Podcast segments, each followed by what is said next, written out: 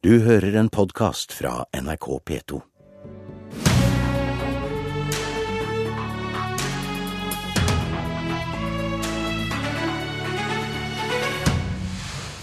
I over 30 år har lønnsveksten gått én vei, nemlig opp. Men nå er NHO-sjefen og LO-leiren samde om at festen er over. I dag starter årets lønnsoppgjør. LO-leder Gerd Kristiansen, administrerende direktør i NHO Kristin Skogen Lund, vel møtt til Politisk kvarter. Takk. Skogen Lund, du mener at vi må ha et svært moderat oppgjør i år. Hva betyr det i praksis? Eh, I praksis betyr det at vi nå, etter en lang tid med høyere lønnsvekst enn de vi konkurrerer med, altså andre land rundt oss, så er vi nødt til å få den norske lønnsveksten i det minste ned på det samme nivået. Og de landene rundt oss de ligger på ca. 2% og har gjort det i lang tid. Så det er et stykke eh, å ta igjen, rett og slett, for å dekke, for å tette dette gapet som vi har opparbeidet oss, hvor vi har veldig mye høyere lønninger. Vi har f.eks. 30 høyere lønn enn en svenskene. LO-leder Geir Kristiansen, du har eh, sagt at lønnsfesten er slutt. Hva betyr et moderat oppgjør for LO? Jeg har nå ikke sagt at den er slutt, men jeg har sagt at det blir ingen lønnsfest i år. Og det handler jo om at uh, når vi setter oss til forhandlingsbordet, så skal vi forhandle i urolige tider. Uh, det, vi ser at arbeidsledigheten øker. Vi ser at det er bransjer som sliter, uh, og at det er en del oppsigelser på gang. og det er en av de tingene som er viktig når vi går inn i lønnsoppgjørene, at vi klarer å ha et helhetlig bilde på hvordan ståa er for eksportretta industri, og i dag er den ikke veldig god. Så når Skogen Lund sier at vi må på et nivå med landene rundt oss, er du sammen Når vi, når vi skal inn og forhandle, så skal vi ikke gjøre det gjennom radioen, tenker jeg. Må, det skal vi gjøre med forhandlingsbordet. Men, men at vi er nødt å ha et moderat oppgjør i år, det er vi enig i ut ifra nettopp de elementene som jeg trekker opp med konkurranseutsatt industri. I fjor ble lønnsoppgjøret det lågeste på 20 år, med 3,1% lønnsvekt. Landa årets oppgjør over eller under 3% i år, Skogen Lund? Ja, jeg er veldig enig med, med, med Gerd her at vi skal være veldig forsiktige med å snakke om tall før vi har begynt å, å forhandle. Men det er riktig at de to-tre siste årene så har vi gradvis fått oppgjørene nedover. Men vi kom fra et veldig høyt nivå. Så altså, selv om vi ø, opplever at vi har klart å moderere dette de senere årene, så ligger vi fortsatt godt over ø, de vi konkurrerer med, slik at gapet fortsetter å øke. Så jeg tror jeg skal nøye meg med å si at vi må enda lenger ned, og så tror jeg det blir veldig dumt å prøve å tallfeste det her og nå. Du vil ikke konkretisere noe mer enn det. Men eh, Arve Bakke, lederen i Industri og Energi, har signalisert at vi kan få null i generelt eh, tillegg. Mener LO-lederen det samme? Det kan jo bli et resultat. Det vet vi ikke før vi har forhandla. Men det som er viktig, det som jeg tror Arve Bakke signaliserer, det er at, eh, at eh, når vi sitter og skal forhandle om lite, eh, så må vi få ei rimelig og rettferdig fordeling av dette oppgjøret. Ok, Hva betyr det i praksis? Hva vil være en rettferdig fordeling? Ja, Vi er jo veldig opptatt av at alle skal nyte godt ut av et eh, lønnsoppgjør. Eh, også de som er lavest på stigen. Og de sentrale oppgjørene som vi har, de er med på å også sikre at de som ligger lavest på lønnsstigen, får. Det er ikke de som nødvendigvis tar ut i, i lokale oppgjør. Ja, For de får mindre i lokale forhandlinger. Og eh, det betyr at de ikke i år ønsker å prioritere de lågtlønna? Vi får nå se når vi kommer til forhandlingsbordet, men, men, eh, det vi har liggende som hovedmålsettinger, det er jo å sikre kjøpekrafta for de brede medlemsgruppene våre. Og, og også det at arbeidstakerne skal ha sin rettmessige del av den verdiskapinga vi har, den bruker man jo i veldig stor grad å justere på lokalnivået. For det er veldig avhengig av den enkelte bedrift eh, sin lønnsomhet foregående år. Så, så Ja, vi har mange elementer vi skal oppfylle. Auka min, men auka minstelønn eh, til, til lågtlønna, det vil være et Det av de være viktigste en, kravene. det vil være en av diskusjonene våre, ja. Har vi råd til dette, Skogen Lund? Eh, ja, jeg har lyst til å begynne med å si at det som er eh, veldig fint ved inngangen til dette oppgjøret, det er at vi har en så lik virkelighetsforståelse i, av det store bildet. Og jeg er veldig fornøyd med at LO har vært så tydelig som de har i forhold til å styre forventningene. Det syns jeg vitner om at de tar ansvar, og det er vi veldig glad for. Det er ikke hvert år eh, Men, de har vært så eh, moderate. Vi har vel ikke alltid vært like enig i forventningsstyringen, nei. Men, eh, men vi er heldigvis det nå. Og jeg tenker det er også et litt sånn tegn på at når det virkelig gjelder, for nå står vi overfor en ny og vanskeligere situasjon i økonomien, da finner vi som parter som oftest en god dialog i forhold til å, å, å løse det. For å kommentere på det med de lavtlønte, så høres jo det veldig tilforlatelig ut. Eh, Men det er noen problemer med det. Det ene er at det er de med lavest kompetanse som sliter mest med å få jobb. For det er jo de som er relativt sett dyrest i forhold til bl.a. arbeidsinnvandring. Nettopp fordi vi har en så, såpass sammenpresset lønnsskala, så tjener de med lav kompetanse i Norge relativt sett mye mer enn de med lav kompetanse i andre land. Så de trenger ikke så mye lønnsøkning? Jeg bare sier at de, har, de er med, enda mer konkurranseutsatt enn andre deler av arbeidsstokken. Og det er heller ingen hemmelighet at det eh, gir jo også grobunn til en del av det svarte arbeidsmarkedet som vi ser, eh, dessverre. Eh, og så er det det andre, for å se det fra andre siden òg, de bedriftene som har mange lavtlønte ansatt, det er typisk bedrifter innen servicenæringer og reiseliv. Og de har lønnskostnader som en stor del av sin totale kostnadsmasse. og det vil si at det er faktisk de bedriftene som i aller minst grad nå klarer å ta et, eh, kostnad, en kostnadsøkning.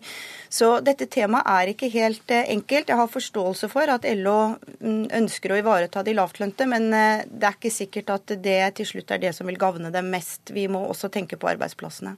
Frykta du at det kan forhandle bort eh, arbeidsplasser, Kristiansen? Det er jo det som er utgangspunktet for at vi har vært ute og sagt at det, kom, det kommer til å bli et moderat eh, oppgjør. Vi skal ikke forhandle bort eh, arbeidsplasser. Og det er jo der vi blir sittende og diskutere når vi kommer til forhandlingsbordet.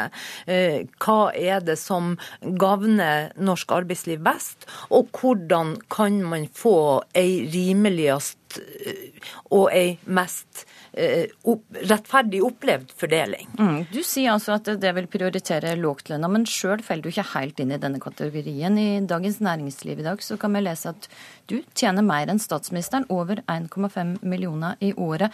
Hvorfor er det riktig at du som LO-leder har ei så god lønn? Vi tjener godt i LO, det, det gjør vi.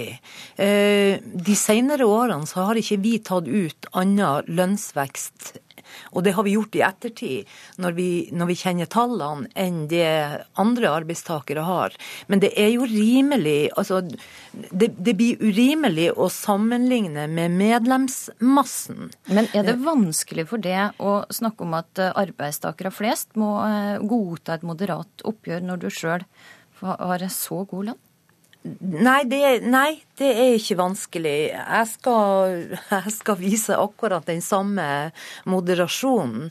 Eh, Men, men det, å, det å sammenligne lederlønninger med ansattelønninger Altså, vi har ikke Selv om vi er veldig glad for at vi har en sammenpressa lønnsstruktur i landet vårt, så er den ikke så sammenpressa at vi har flat lønn, og jeg håper heller ikke at vi kommer dit. Jeg sitter med ansvaret for en organisasjon med bl.a. over 200 ansatte.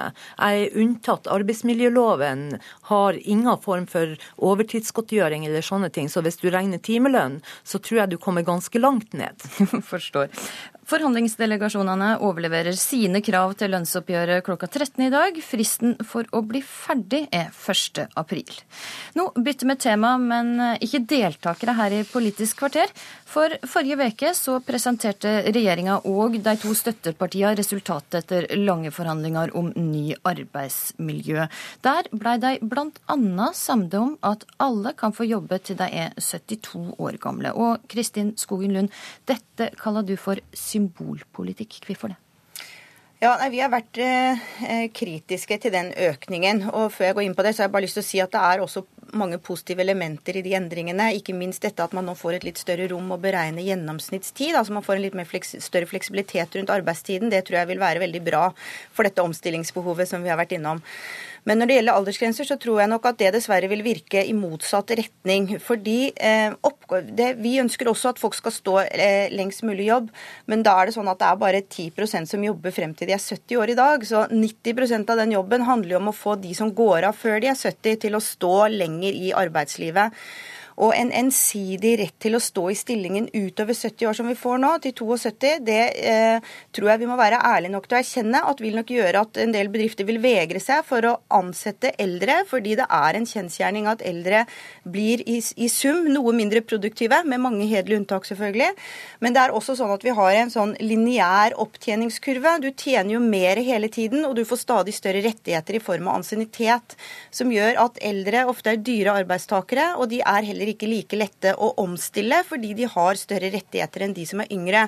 Så, men, så det er kanskje ikke liksom 70-åringene som skal stå for den store omstillinga vi nå skal gjennom i Nei, men mange bedrifter er avhengig av å, vil bli enda mer avhengig av å kjøre omstillinger enn det de har vært til nå. Og da er du faktisk avhengig av å ha en viss mulighet for å rotere i arbeidsstokken din. Og hvis du da får flere eldre som skal stå lenger, så vil det hindre den eh, omstillingen. Det er det ingen tvil om. Og det er jeg redd igjen kan gå utover eh, bedriftenes vilje til å ansette eldre arbeidstakere. Og jeg tror også en del eldre vil oppleve at de vil nok møte en tøffere hverdag eh, med at kanskje de, at de, at de, Mens man tidligere kanskje har latt en del eldre stå fordi man visste det bare var et par år igjen, hvis det plutselig er eh, seks, syv, åtte år igjen, så, så kan man ikke eh, være like raus med det. Kristiansen, frykter du også at dette kan få uheldige konsekvenser for ja, eldre ja, arbeidstakere? Ja, det gjør jeg. Og, og, for meg så er det et paradoks at man nå går inn og styrker stillingsvernet til eldre arbeidstakere, mens at man for de som skal inn i arbeidslivet, kanskje svekke det med midlertidighet. Jeg tror at vi kommer til å få se en del uverdige oppsigelser. Så er det jo ikke sånn. Uverdige oppsigelser? Hvorfor ja, kommer jeg til å få det? Fordi at du styrker stillingsvernet til arbeidstakerne når du sier at de skal ha en rett til å stå lenger enn det, fram til, til 72. Uh, så da kan den enkelte arbeidstaker kreve det, istedenfor sånn som vi har det nå, at eh, det er ingenting i veien for at en arbeidsgiver og arbeidstakeren kan bli enige om å stå lenger. Altså, litt av det at vi har all, de aldersgrensene vi har, det handler jo om det produktive arbeidslivet som vi har. Nå kan vi risikere at vi, eh, at vi svekker det.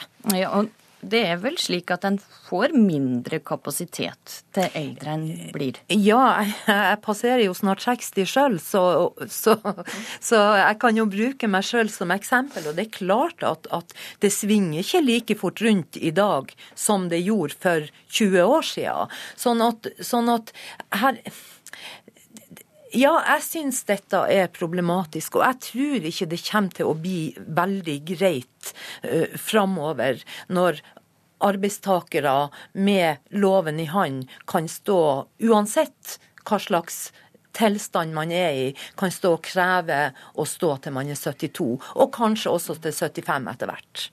Nei, Her er vi veldig enige, og man begynner i feil ende. Det hadde vært mye bedre å se hva skal til for å få de som i dag går av, kanskje allerede fra slutten av 50-årene og veldig mange i begynnelsen av 60-årene, hva skal til for å stimulere dem til å stå lenger i jobb.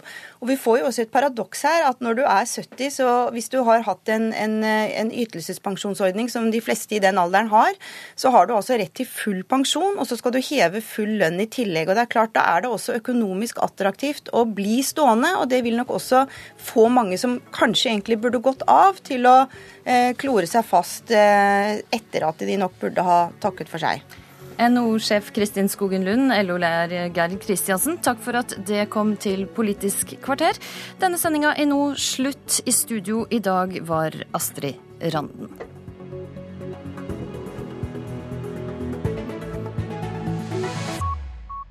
Du har hørt en podkast fra NRK P2.